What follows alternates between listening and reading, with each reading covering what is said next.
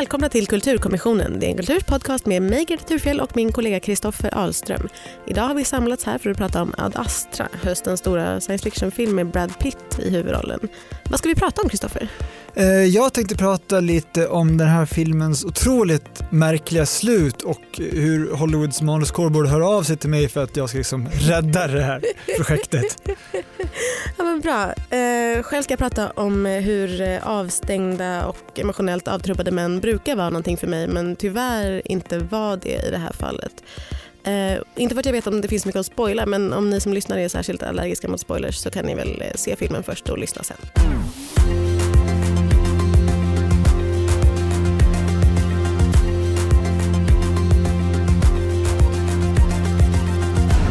I en nära framtid skakas jorden av en rad elektromagnetiska vågor som hotar utplåna vår civilisation.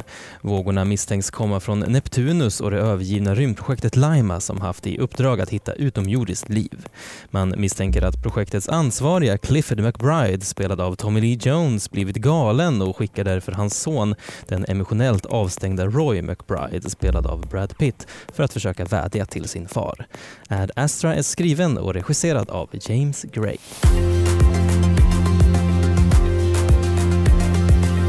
Greta? Ja. Eh, den här filmen kan man väl säga eh, har kallats något av en vattendelare. Mm. Ehm, jag vet inte hur du såg den på bio, jag såg den med mitt grabbgäng, vi var otroligt oense. Mm. Eh, jag såg den med mitt grabbgäng, ja. vi två var också otroligt oense. Ja, och även om man kollar på så här, betygsaggregatsajter som Rotten Tomatoes har bland de professionella kritikerna har en 83% approval mm. men bland biobesökarna så ligger det bara på 41% så det är liksom en enorm klyfta mellan folket och eliten. Mm. Säga så. Mm. Vad, vad tror du, är det kreti och pleti som inte fattar eller är det liksom en snorkig kulturelit som, som bara vill show off med sin smak? Vad beror den här liksom diskrepansen på? Ja, det ska jag säga dig att jag efter att vi hade sett filmen så gick vi ut från eh, salongen och vi var på, såg den på Mall Scandinavia och alla var eh, alla, vi lyssnade, tjuvlyssnade vi på folk som pratade och, och, alla var så himla arga för att det inte hade varit en actionfilm. Mm. För de tänkte sig att det var det det skulle vara. Och varför vet jag inte. För alltså, ja det är klart men, men Brad Pitt spelar väl inte sådana actionroller längre. Det här är ju hans grej nu att han ska vara en liksom, eh, lite brooding och så. Vad ska man säga? Det, det är ju inte det är inte det man ser framför sig. Eller jag hade inga illusioner om att det var en, den typen av film som Ad Astra skulle vara. Men jag hade också läst recensioner förstås. Ja, alltså det är verkligen en mumblecore-rulle. Mm, det är mm. ju liksom, jag tänker precis, jag tänker snarare Brad Pitt i Terrence Malicks Tree of Life som också är så här långsam, poetisk, ja, uh. väldigt lågmäld. 2001 är det många som har jämfört ja, den verkligen, också. Verkligen. Men jag, jag vet inte, jag, jag gör ju alltid så att jag undviker allt vad trailers och liksom spoilers och allt sånt heter innan. Så att om det var så att personen som klippte trailern hade med de här eh, rymdbabianerna och rymdpiraterna på månen och så, då kan jag förstå om det liksom ger en, en falsk bild av vad det faktiskt är. Ja, på för de scenerna, vi kan återkomma till dem, men de är mm. väldigt malplacerade i filmen. Verkligen, ja. verkligen så. Uh, och uh, jag vet inte, det var bara, jag funderar, jag kommer att tänka på den här, vi diskuterade Darren Aronofskys Mother mm, just tiden på den här podden, mm. som ju också fick så här bland när man liksom gör en poll bland biobesökarna efter filmen så fick den så här absolut lägsta betyg. Jag tror mm. det var någon, någon störst, första gången i filmhistorien fick ett F. Men den är ändå mycket mer av en ride, alltså man har ju aldrig tråkigt när man kollar nej, på nej, nej, nej, men den är också så här, man, är, man bara vad fan är det här? Ja, det, är liksom, ja, det är ingenting man någonsin kan så här förutse vad filmen skulle kunna vara och då tänker jag att det kanske är lite samma sak här. Folk går in med en viss föreställning, man kanske har sett Brad Pitt nyligen som liksom happy-go-lucky hunk i liksom Quentin Tarantinos mm, senaste. Precis, men där är han ju också, det är klart att det är lite, lite kanske coolare scener på sätt och vis. Fast jag tycker ändå att jag menar, bara inledningsscenen i Ad Astra är ju den är ju en ride. Det är ju nästan ja. filmens enda ride. Kan du beskriva den? Vad är otrolig scen? Ja, den är så otrolig. Jag som absolut inte är höjdrädd fick alltså så här svindel ja. så att jag trodde jag skulle svimma i salongen. Det var helt otroligt. Um, Roy McBride, väl? Inte Clifford. Han heter Brad Pitt.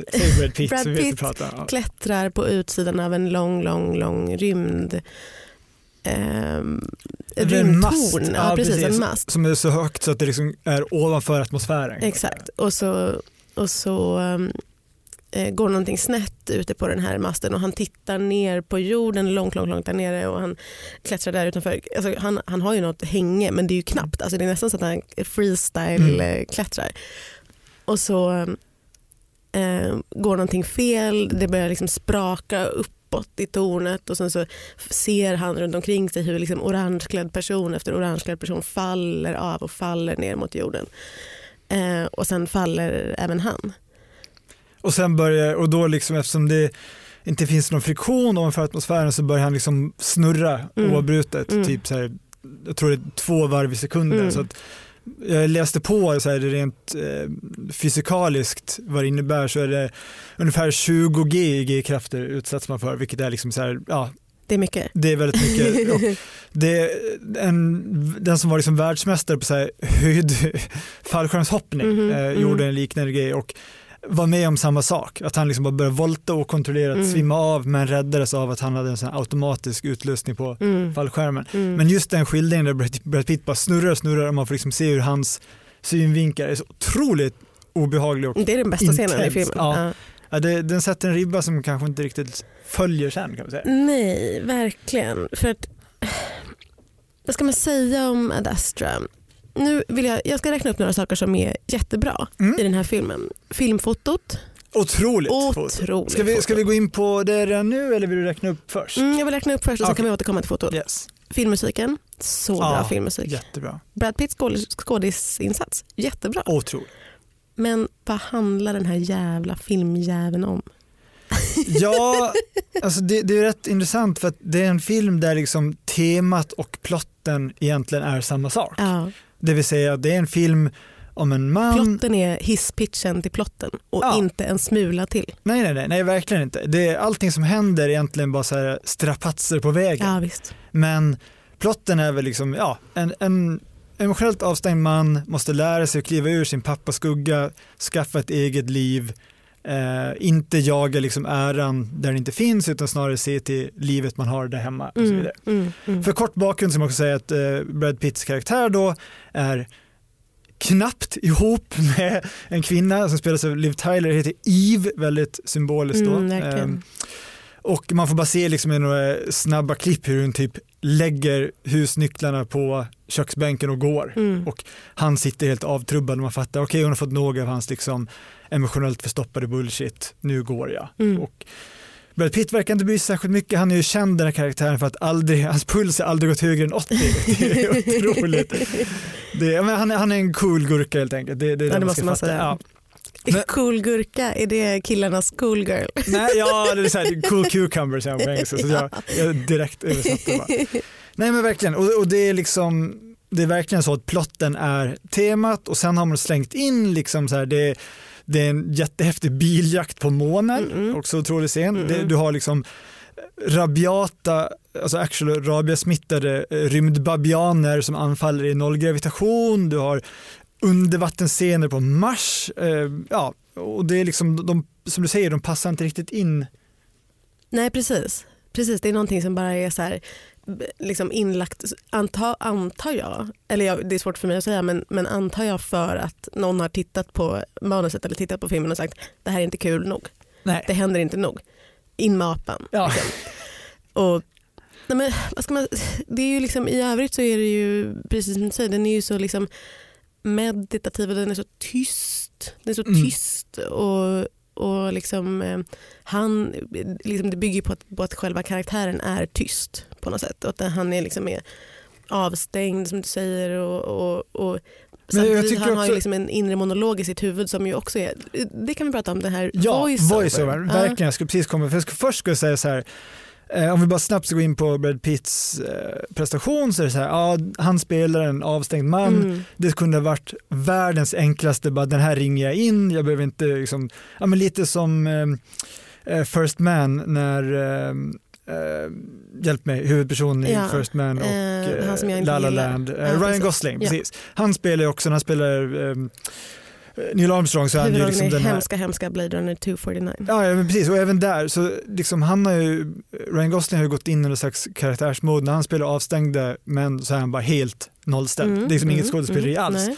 Brad Pitt tycker jag är skitbra här att han låter ändå liksom små tics skina igenom att den här killen har liksom ett, ett latent sammanbrott. Det är någonting som liksom är på gång här. Mm, Eh, han, mm. han liksom har darrningar på rösten ibland men väldigt, väldigt subtilt levererat. Och jag tänkte otroligt fantastiskt skådespeleri. Och så slänger de in den här voice-overn som bara så här, överförklarar allting. Men ja, för det var det som, alltså det, det är genomgående genom filmen och också verkligen, verkligen i slutet som vi kommer till i slutet. Men just det här att, att man inte, man litar inte på hans jättebra skådespelarprestation. Men när, men när en eh, Ryan Gosling ska spela en avstängd man så, så låter man bara honom hålla så, så blir det Mm. inget bra. Men när det finns någon som kan göra det bra, varför då lägga på det här? För voiceovern är ju också, alltså den är inte bra Kristoffer. Nej, nej, nej, och det, det tillför inte så jäkla mycket heller Nej. som liksom inte skulle kunna gestaltas. För allt det som han säger ser man redan Ja, i ja hans men, ansikte. exakt. Ja, exakt. ja. Eh, eh, och det slår mig liksom bara hur otroligt mossigt det har, alltså själva berättargreppet voice-over är Mm. eller har blivit. Mm. För att det är här, den här filmen har jämförts mycket med Apocalypse Now för att det handlar liksom om en mans resa på jakt efter en person som har gått rogue och han även reser in i sitt eget Mm, mörker. Liksom. mm, och i mm. Apocalypse Now, där funkar ändå voiceovern tycker jag, för där har det någon slags poetiska kvaliteter som liksom ändå ja, skapar stämning. Mm. Eh, Ja, men, men det vore ju tjänstefel av oss att inte nämna den dåliga voiceovern i, i, i Blade Runner också som Harrison Ford. ja, precis. Som det tvistas om ifall Harrison Ford gjorde dålig med flit. Ja, för Jag tror han, inte Brad Pitt har gjort en dålig med flit. Jag tror att han Nej. bara, det bara var verkligen, verkligen, verkligen behövdes inte. Mm. Nej men jag, jag kommer bara tänka på att det är dags att liksom, eller det har väl sedan länge varit dags att pensionera voiceovern Mm. som, som grepp. eh, Och, och jag kommer av någon när jag tänker på tv-serien Dexter, Mhm. apropå ett dåligt sätt att använda voiceover, för då ska det vara så här, okej den här killen är precis som oss, han är helt normal, han är en liksom, ja, van, vanlig svennebanan men han har Mm. mörka tankar. och då är det någon scen så här, och någon bara frågar så här, ah, hur, är Dexter? Han bara, Jättekul att beskriva Dexter som en svennebanan. Ja, men han, ja, plotten där, om- om, för de som inte har sett det, att han är ju en seriemördare på fritiden Mm. och jobbar liksom med brotts, mordbrottsutredningar på, som sitt yrke och då får han en fråga så här, hur är det? Jag bara, I'm fine och sen bara kommer voiceovern, actually I'm not fine. Åh, ett klassiskt narrative-skämt. ja, ja, verkligen. Det är liksom, och det som blivit så, det har blivit en metagrej nu att vi liksom driver med vad som egentligen sägs under men att man säger det rakt ut. Exakt, exakt, exakt. Jo men, men så det, det som jag tycker verkligen är filmens stora behållning är ju fotot. Alltså, Mm. Om Mother aldrig är eh, om man har kul hela tiden så har man ju det åtminstone vackert hela tiden. För den är ju Ja. verkligen, det är, ju, alltså, det är många scener som är, både den som du säger, eh, mån, eh, bil, biljakten månen. biljakten på ja. månen är underbar. Och det finns en scen som jag tycker också är så otroligt bra som är när eh, Roy McBride, Brad Pitt, har kommit fram till Mars. Mm. Och det är en ganska kort scen men den är, den är så stark och så träffar han då den här eh, kvinnan som det sen ska avslöjas att hon är född på Mars och att hon har liksom att göra med hans historia Mm. eh, på olika vis. Och hon, hon, de möts i en korridor och så följer han efter henne genom den här korridoren och det liksom det, den så mörknar. Mm. Det är någonting med de där så här, det är jätte, jättebra. Mm. Det är många sådana scener som man bara skulle vilja ha som en så projektion Ja. på väggen för att de är så snygga. Alltså det, det stinker ju Oscars nominering bästa foto. Det stinker Hoyte van Hoytema. Ja, ja, ja visst. och, och det, apropå att det stinker var höjt, men så tänkte jag också att det var faktiskt, det kändes lite som att han så här plockade ur sin påse med gamla tricks också. För att, Mm. eh, det var mycket i fotot som påminde om Interstellar, inte minst med dockningssekvenserna. Kändes som att bara, är, det här återanvända en gammal så här, Ja. stockfoto från han ser tidigare sci-filmer. Men med det sagt, otroligt foto.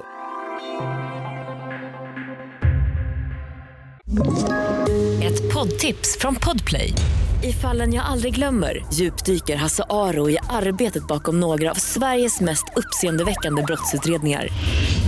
Går vi in med hemlig telefonavlyssning och, och då upplever vi att vi får en total förändring av hans beteende. Vad är det som händer nu? Vem är det som läcker? Och så säger han att jag är kriminell, jag har varit kriminell i hela mitt liv men att mörda ett barn, där går min gräns. Nya säsongen av Fallen jag aldrig glömmer på Podplay.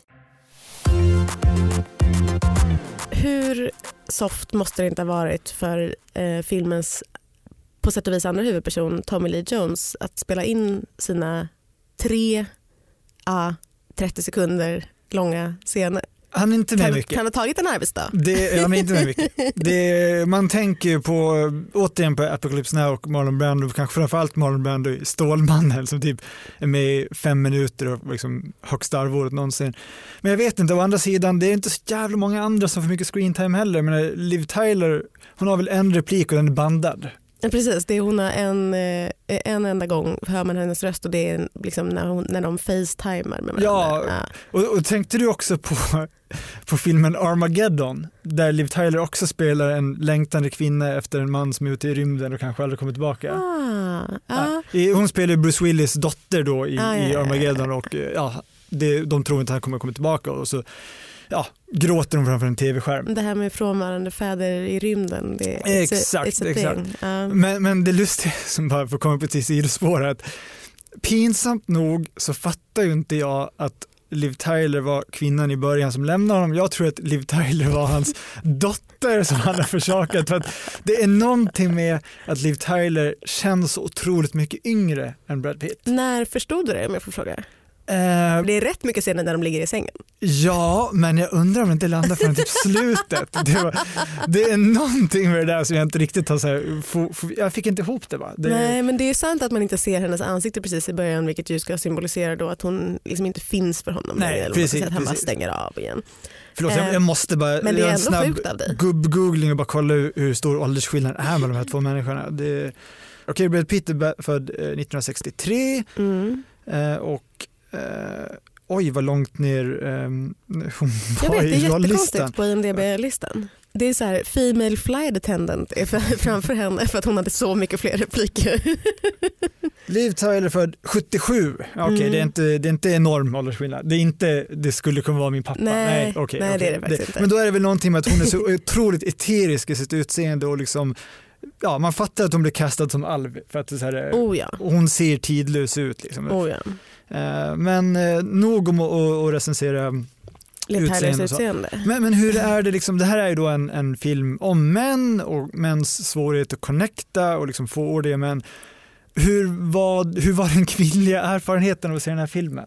För Mm. grubblande män är ju någonting vi har sett till leda. Grubblande män är ju min stora hobby i livet så Ja. jag hade verkligen föreställt mig att jag väl, tycker, skulle tycka väldigt mycket om den här filmen. Ehm, men det var ju som att de inte nästan fick grubbla. Eller som att grubblerierna var så platta att det liksom inte hände. Det, det, det blev aldrig någonting. Jag blev aldrig så här, ah, den här, det var, det var på sån liksom, nivån var så här uppe Ja. och så fick man aldrig så gå ner på djupet även när de tyckte att man fick gå mer på djupet. Ja, jag tänkte vi, vi ska komma tillbaka lite så här att, att det ändå sker en karaktärsutveckling hos Brad Pitt. Alltså jag älskar liksom, eh, emotionellt eh, stumma Ja. och frånkopplade män. Både Ja, det- pappan och sonen hade verkligen kunnat vara något för mig. Mm. Men jag, jag, jag blev Det aldrig... hände liksom, inte, nej. Det hände inte. Nej. Nej, nej. nej jag vet inte.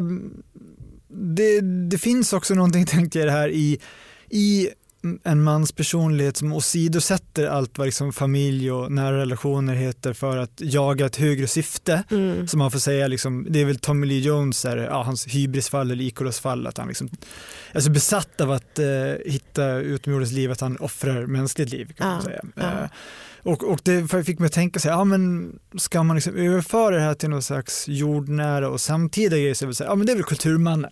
Kulturmannen har liksom så här, offrar allt vad, vad närhet och får liksom nästan så en, en psykopatisk jakt på ära i, i, inom Mm. sitt värv. Liksom. Mm. Men, eh, men det kanske det, det kanske blir nästa så här, efterkultur, är det vetenskapsmannen som man, man ska ställa mot väggen. Astronauten. Ja. ja, men för även i eh, First Man då så är det verkligen så här, astronauten är ju det, det är ju så här stackars Claire Foy som får spela liksom astronauthustrun där. Mm. Det är verkligen i de här filmerna så framställs de lite som ja, men gamla tidens sjömanshustrur som får vänta i hamn medan liksom deras män är ute och utforskar ja, världens kant helt enkelt. Ja precis, precis, men jag tycker att det som, ska man säga, det var någonting med liksom den här själva så här, att han skulle Framförallt, och det här brukar inte vara ett problem för mig vilket tyder på att det var ett så fruktansvärt stort problem så kunde jag inte köpa för det första, det här, det här är liksom grundfrågan. Det här satt jag Mm. och tänkte på i hela filmen. Varför var han tvungen att åka till Mars? För det som händer är att han eh, får i uppdrag att Mm. sända ett meddelande till sin pappa från Mars. Mm. Men på vägen dit så var han tvungen att landa på månen. Då. Eh, jag fattar det för jag ville ha den där månbiljakten Mm. och jag fattar det för jag vill ha de här vackra bilderna från Mars. Men varför skickade han den inte bara från jorden? Ja, exakt. Och varför var han Det- tvungen att sända det live? Kunde han inte bara spela in ett meddelande? Det är också en bra fråga. Eh, men ja, ja, precis. Han skulle kunna spela in på jorden, skicka till Mars. Skicka USB-stickan till Mars. Nu minns jag inte om de säger någonting om de här konstiga, den här liksom plot-devicen att det kommer elektromagnetiska vågorna som slår ut kanske utrustning på jorden eller någonting sånt där. Jag vet inte. Men absolut, det, det känns snarare som också- det här att de inte kunde flyga direkt till Mars trots att man uppenbarligen då har koloniserat Mars utan måste först ta sig till månen för att åka därifrån. Och där blir angripna av eh, månpiraterna. ja. Nej, det är väldigt svårt att förstå. Men, eh, nej, men jag tyckte mm, det är väl ändå för att det behövs rörelse antar jag. Annars hade det verkligen bara varit stanna kvar på jorden. och, liksom. och det är också någonting i filmens Gå runt budskap där med att, vilopuls. men det är också någonting i filmens budskap att så här, för att komma hem måste man först åka bort. Det, mm, ja, ja, ja, absolut. Och det finns ju en scen liksom, mot slutet också där, där som ju också är så här att man, åh gud, nej, säg inte så, säg inte så, säg inte så. ja, jag, eh, När, men nej. vi, vi, vi, nej, vi, vi kommer till det. Jag tänkte, det- hela slutet, eh, det kräver nästan en hel egen akt att vi pratar om slutet. slutet konstigt. Jag vill istället stanna lite på månen där. Det, det enda inslaget av humor i filmen är ju när de tar, eh, när de åker Virgin till eh, alltså Ja. Richard Bransons Ja, ja, entreprenörsflyg till månen och även hur månen är typ en enda stor galleri, det är typ Mall of, en dålig Mall of Scandinavia, det är typ Åh, gallerian i stan. underbart där. ut där på månen. Precis, för det, det, jag ska fråga. det finns ju liksom ett, ett ganska abrupt antikapitalistiskt budskap i den här Ja. filmen. Brad Pitt bara, ah, vi är världslukare, vilket är konstigt för att det enda man har gjort är typ åka till månen och Mars. Det är inte som att man liksom har exploaterat hela universum. Men, eh, men, men det lustiga, humorinslaget är att på månen, eller på, på månraketen så ber han om att få en kudde och en filt. Ja. Och flygvärdinnan bara, ja det blir eh, typ vad är det, 125 dollar, Ja. 1200 spänn, vilket är jättekul. Men då är det så här, okej då kan man också räkna ut att då kostar förmodligen den här flygbiljetten till månen en jävla massa. Ja, visst. Ja. Sen landar man på månen, Det har gått fort för filmen utspelar sig bara i nära framtid men en jävla inflation till dess. ja, ja verkligen, de har fått snurr på liksom månturismen, rymdturismen. Och man fattar att det här är någonting som bara liksom, överklassen har råd med. Sen landar de och vad är det för butiker man ser på månen? Det är liksom det är Applebee's. Applebee's, det är Subway, Ja. det är så här, om man betalar, vad kan det kosta, kanske en halv miljon och flyger till månen, då vill man inte äta jävla macka på Subway. Då kommer man till Mall of då Scandinavia. ska man till, man- det ska vara typ Four Seasons. Dunkin' vara, Donuts. ja, men exakt. Det är verkligen så här, alla de här eh, slitna, eller ja, helt enkelt de amerikanska Alla vanliga corporate amerikanska brands. kedjor, Ja, ja. precis. Och det ska väl vara någon slags kommentar till, det är också så här, det är lite Disney World-känsla, folk tar sig kort i roliga rymdvarelse-outfits och sånt de är framme. Selfie, ja, alien selfies. Typ. Nu ska vi äntligen få prata om slutet. Ja. För det händer ju till slut. Brad Pitt kommer fram till eh, utanför Neptunus, strax utanför Neptunus, förorten till Neptunus Mm. och eh, ser sin pappas eh, liksom, eh, sta- rymdstation. Då. Mm.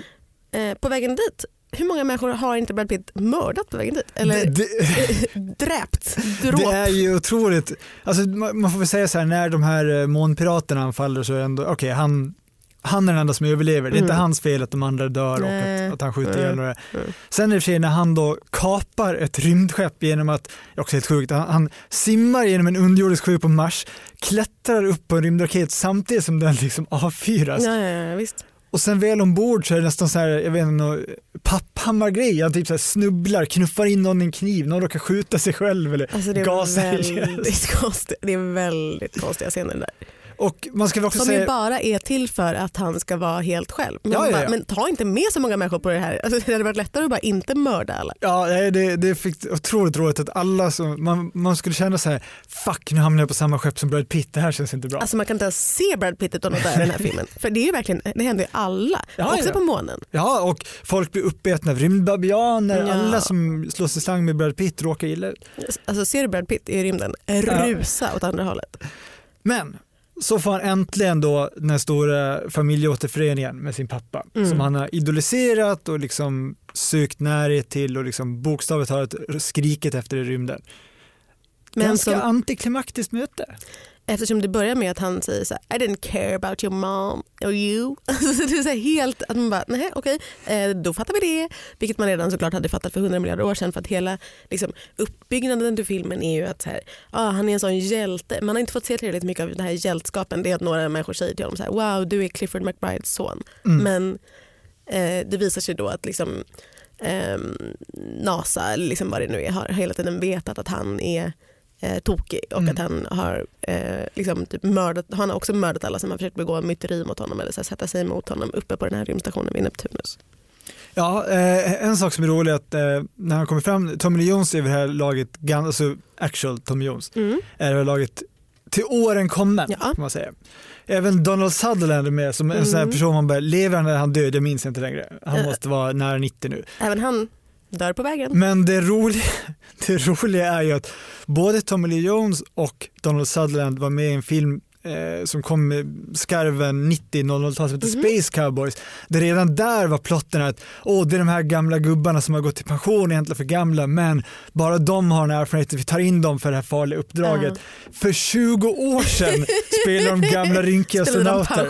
Ja, och Ja. nu är det så här, ja, klipp till. Det är ju ofattbart att de Det, har förlåt, att säga, den sista personen som, även Clint Eastwood en av Space Cowboys. Oh, Så jag satt bara och väntade på att snart kommer de bara slänga in han som en rolig cameo här. Oh, jag hade velat se, jag vill se mysigt. Space Cowboys. Mm. Ehm, nej, för det är ju så konstigt eh, också att de har skickat ut en så extremt gammal person på det här jätte- Mm. jättelånga uppdraget. För det tar inte, alltså det tar inte Men jag liksom, skulle säga det har gått 30 år. Han har varit i, ensam typ i rymden i 30 år. och är lastgammal och var lastgammal redan när han skickades ut. Mm. Så det, är, det är svårt att förstå. I alla fall, de ses i rymden. Mm. Eh, eh, pappan säger jag var inte intresserad av dig, jag var intresserad av att hitta eh, rymden men eh, kul att du är här. Och, Pappa säger också, jag är ett jättemisslyckande, det finns inga aliens, vi har inte hittat någon enda. och då Ja. säger Brad Pitt den här eh, Mm. ikoniska repliken tillbaka. We're all we've got. Mm. Det är så töntigt. Förlåt, Det är det, alltså, det är verkligen Ja jag det vet, men, men så. tänk också så här på hur den skulle kunna levereras. Det är, så här, det är ändå en replik som nästan smygs under radar. Det, det är inte så här, det skulle ju kunna varit med stråkar och liksom emotionell klimax. Ja, du menar det säga. hade kunnat vara ännu värre? Ja, ja, ja precis. ja, jo, precis. det är nog sant. Det är nog sant. I alla fall, Mm. eh, Brad Pitt bestämmer sig för att han ska ta tillbaka Tommy Lee Jones till jorden, till hem. Eh, trots att Tommy Lee Jones har bott här ute i, i 30 år och har det här som sitt hem nu då. Och har mördat hela sin besättning och förmodligen skulle liksom, ja, hamna i fängelse till sin död om han väl kom Ja, hem. det blir ingen kul för honom när han Nej. kommer hem till jorden istället. De är ute, han, eh, på något vis har Brad Pitt gjort sig av med sin eh, lilla rymdkapsel så de måste liksom simma genom rymden tillbaka till, eh, till ett annat skepp som råkar finnas där. Och då eh, sker det här stora, liksom, det, det som hela filmen har byggt upp, liksom, att han ska kunna släppa taget om sin pappa. Vilket Mm. sker genom att pappan upprepade gånger säger let me go, Mm. let me go, let me go. Pappan försöker kasta sig ut i det stora tomrummet som är rymden men de sitter ihop med så säkerhetslinjer, en väldigt metaforisk bild när Brad Pitt då till slut måste kapa navelsträngen och Ja, kasta ut pappan i rymden och bli av med han och kliva ur hans skugga och bli en egen person. Ja, Det är väl ändå att överkomma liksom arvet av pappan. För han har ju så här följt pappas fotspår, han har haft samma karriär, han har hela tiden jämfört sig med honom och pappan har varit så frånvarande att han har blivit en enorm närvaro i hans liv, liksom det stora hålet i mitten av allting. mm, mm. Eh, och sen kommer när slutet bara blir så jävla konstigt. Nej, men, alltså, jag vet inte vad jag ska, Ska, säga. ska, vi, ska vi gå igenom vad som faktiskt händer? För det här är liksom, om, om jag beskriver det så här, ingen skulle tro det, det skulle tro att jag hittar på det här sättet. Kan Men- du bara beskriva slutet? Ja, okej. Så Brad Pitt har hivat ut farsan i rymden. Eh, man tänker så här, okej ska han stanna, åka hem, stanna, åka hem, okej och sen inser man att han har kommit till slags insikt så han Han ska hem till ta- Liv ja, igen. Jag måste bara ta ett andetag nu för Okej, vad han gör är att han sliter loss en bit av skalet på det här rymdskeppet, Ja. Använder det som sköld medan han liksom racer igenom en meteoritsvärm Ja, visst. eh, tar sig ombord på eh, sitt skepp och då har han också planterat en atomsprängladdning på Tommy Lee Jones skepp. Spränger, För att få stopp på de här Ja, eh, elektromagnetiska liksom, vågorna, elektromagnetiska vågorna som av någon anledning liksom avges från Ja. stationen. spränger det skeppet med en atombomb, använder tryckvågen från atombomben för att surfa hem till jorden där han återförenas med Liv Tyler, de blir ihop igen, alla är lyckliga. Vet du när jag tycker att den här filmen borde ha slutat för att det inte var fullt så eh, irriterande slut? Mm. När, för, för jag menar, det är sjukt nog det här med att han, att han liksom, eh, gör en sån eh, typ eh, som säger, surfa genom rymden mot alla de här eh, stenarna. Men Ja.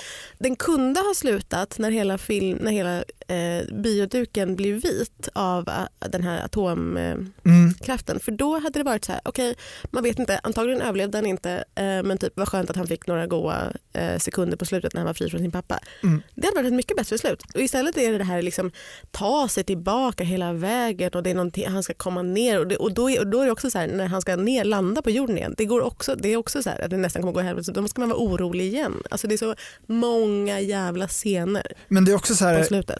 i, den här filmen är väl runt två timmar. I en timme och 50 minuter har han så här, eh, ja, men, haft en psykologisk dragkamp med sig själv. Mm. Hur ska han förhålla sig till sin pappa?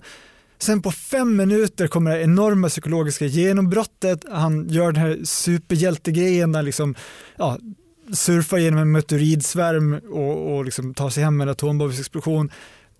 Det går så jävla snabbt. Och grejen var att filmen, ja, du vet jag har ju den här listan att se fram emot. Ja. Där jag skriver upp varje månad vad som Jag händer. älskar den listan. Länge fanns ju den här filmen upplistad i maj. Maj det. månad var Ad Astra, det var en grej jag såg fram emot Mm. väldigt länge. Sen försvann det bara, plockas helt bort ur planeringen utan förklaring, ingen Mm. visste någonting. Dyker upp fyra månader senare. Jag tänker, det fanns ett annat slut från början. Du tror det? Ja, Men du- testpubliken sa bu, jag blir suicidal, vad är det här? Ja. Vi behöver ett lyckligt, klistra på ett lyckligt slut.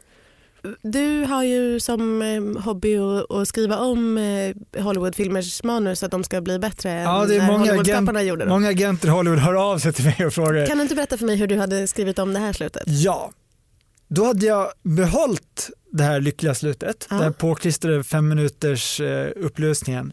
Men sen hade jag lurigt nog, har du sett filmen Brasil, Terry Gilliams Brasil? Nej. Då är det så att det är en jättemörk dystopisk rulle men så får det ett så här sagoboksslut och man bara wow, det här bryter verkligen allt vad Ah.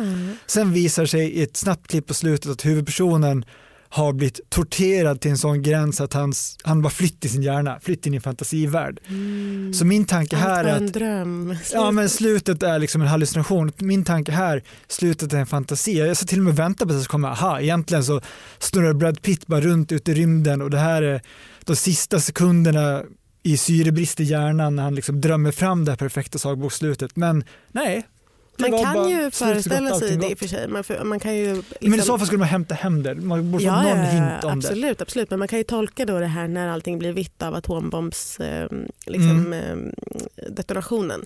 Att det är att allt som händer därefter bara är Precis, för, hans för, det är liksom, sista sekunder i livet. Exakt, det är rätt intressant nu när du säger det för att eh, i Paul Verhovens Total Recall, den fantastiska Mm, science mm. fiction actionrullen med Arnold, så är hela tiden så här, är det en dröm, är det inte en dröm, är det ett implanterat minne, händer det på riktigt? Ja. Och sen på slutet, istället för en fade to black så är det en fade to white, det vill Exakt. säga, aha, det här kanske betyder att han vaknade.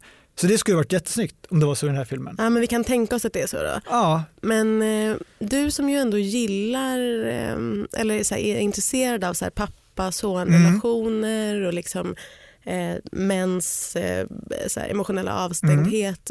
Bl- Blev, du liksom, blev du berörd av den? Tyckte du att det var liksom ändå någonstans att du var så här, det här är intressant eller det här är fint? in, Jag gillar ju det men, men, och, men det, det hände inte för mig. nej, Men du gillar det ju ännu mer. Inte i biosalongen, då händer ingenting med mig. Men jag ska erkänna, den här filmen har vuxit på mig. Jag har tänkt väldigt mycket på den. Ehm, och jag var väldigt besviken på att de inte fick mer, som du sa, det är tre scener, 30 sekunder typ med Tommy Lee Jones. Så Mm. Man har ju hela tiden väntat på att nu ska den här stora liksom, ja. Mm.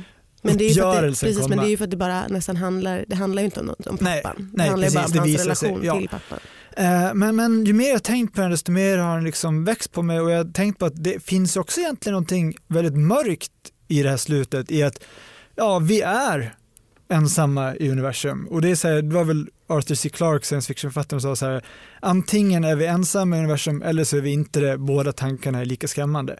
Och det finns också någonting i Brad Pitts förvisso då ganska klonkig replik där, we're all we've got, så så här, ja, om människan är det enda intelligenta livet i universum och jorden är den enda planeten där det finns intelligent liv, då blir ju allt det här otroligt mycket viktigare och att ja, även en kommentar till dagens klimatkamp, att vi liksom löser det här för att det här, vi är det enda som finns. Med de orden tackar Kulturkommissionen för sig. Den här veckan bestod kommissionen av Kristoffer Ahlström och mig, Greta Thurfjell, med Oliver Bergman som tekniker. Vi är ett samarbete mellan Bauer Media och Dagens Nyheter. Vad ska vi prata om nästa gång, Kristoffer? Och incel-hyllningen Joker hoppas jag. ja, det är just vad vi ska. Vi ska prata om Joker med Joaquin Phoenix i huvudrollen. Den både hyllade och hårt kritiserade superskurkfilmen. Det ska vi göra redan nästa vecka. Hej då! Hej då!